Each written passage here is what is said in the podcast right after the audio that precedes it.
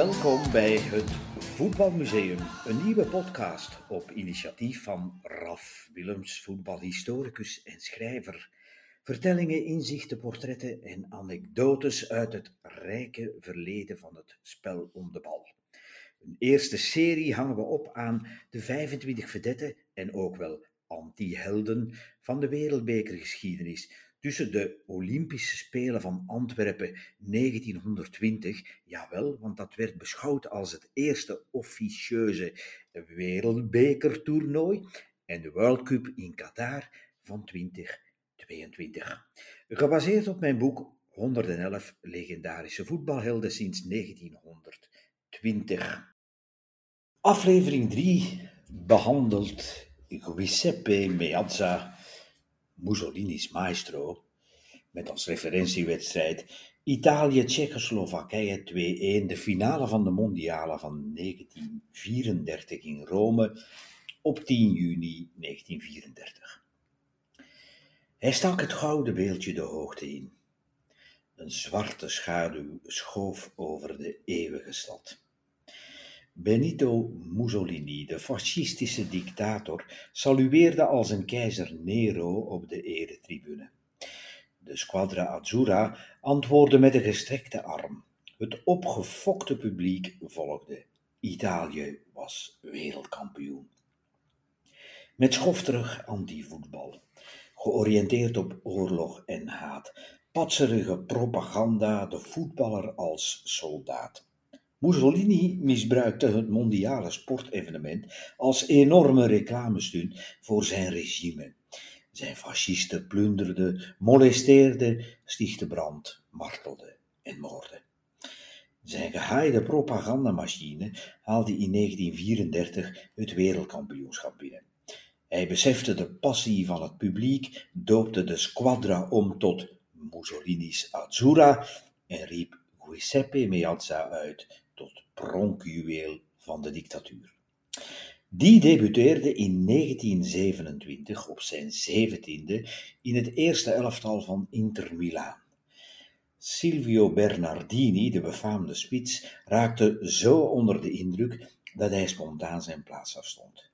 In de volgende dertien seizoenen, drie scudetto's of landstitels en één Coppa Italië, tekende Meazza als Interizza Interista, zo is het, 240 doelpunten aan. En tijdens zijn tweede interland in Budapest tegen Hongarije scoorde hij drie keer. De pers noemde hem van dan af Balia, de nationale held die in de 19e eeuw de Oostenrijkse legers vanaf een heuvel met stenen bekogelde. Meazza hield wel van een geintje. Hij scoorde ooit voor AC Milan tegen Juventus met acrobatiek balletje oppiepen over zijn hoofd, tikken, draaien om de as en via een volley in het doel schieten. Een bestuurslid van Juve, de eigenaar van de Fiat-fabrieken, daagde hem, uh, daagde hem uit het de dag nadien enkele keren te herhalen, maar dan in de aanwezigheid van persfotografen. In ruil voor de exclusieve Fiat 514 Cabriolet Royal.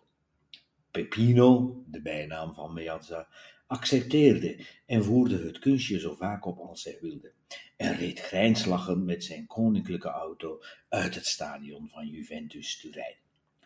De autoritaire maar vakkundige bondscoach Vittorio Pozzo benutte de delicate balbehandeling van Meazza om het beulswerk van zijn team op te fleuren. Hij legde de basis voor een vijfjarige internationale dominantie van de squadra met Spartaans, collectivistisch en agressief voetbal. De kwartfinale tegen Spanje in 1934 staat gebeiteld als de slag om Firenze. De partij eindigde in 1-1 en liefst elf spelers waren door blessures niet fit voor de replay twee dagen later. Meazza wel en nam daarin de legendarische Spaanse keeper Zamora de gazen 1-0. Italië glipte vervolgens met dezelfde cijfers langs het Oostenrijkse wonderteam. In de finale hierde Mussolini's zenuwen door de keel, want de veel betere Tsjechoslowaken namen een voorsprong en bogen pas in de slotfase 2-1. Zowel tegen Spanje, Oostenrijk als Tsjechoslowakije bepaalden scheidsrechterlijke dwalingen het resultaat. Pepino ontving de Ballon d'Or als beste speler van het toernooi. Vier jaar later kleurde de tifosi de Parijse Moulin Rouge zwart. Op het WK van 1938 in Frankrijk stond op de Squadra Suprematie geen maat. Meazza leidde zijn team naar onbetwiste overwinningen tegen Noorwegen, Frankrijk, Brazilië en in de finale Hongarije 4-2.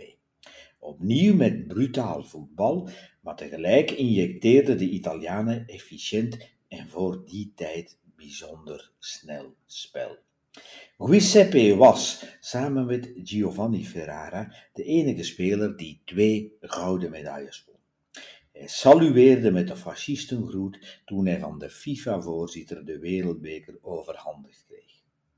Hij werd van dan af de held van de Italiaanse voetbalgeschiedenis. Hij speelde voor zowel Internazionale, AC Milan als Juventus. Hij leidde een luxe leven, gokte naar hartelust en versierde de ene vrouw na de andere. Mussolini's maestro Giuseppe Meazza, geboren op 23 augustus 1910, overleden op 21 augustus 1979. Drie keer kampioen met Inter, één keer de beker gewonnen, 53 Interlands, de Centraal-Europa Cup met Italië gepakt in 1930 en 35 en de Wereldbeker in 34 en 38. Dit was aflevering Три.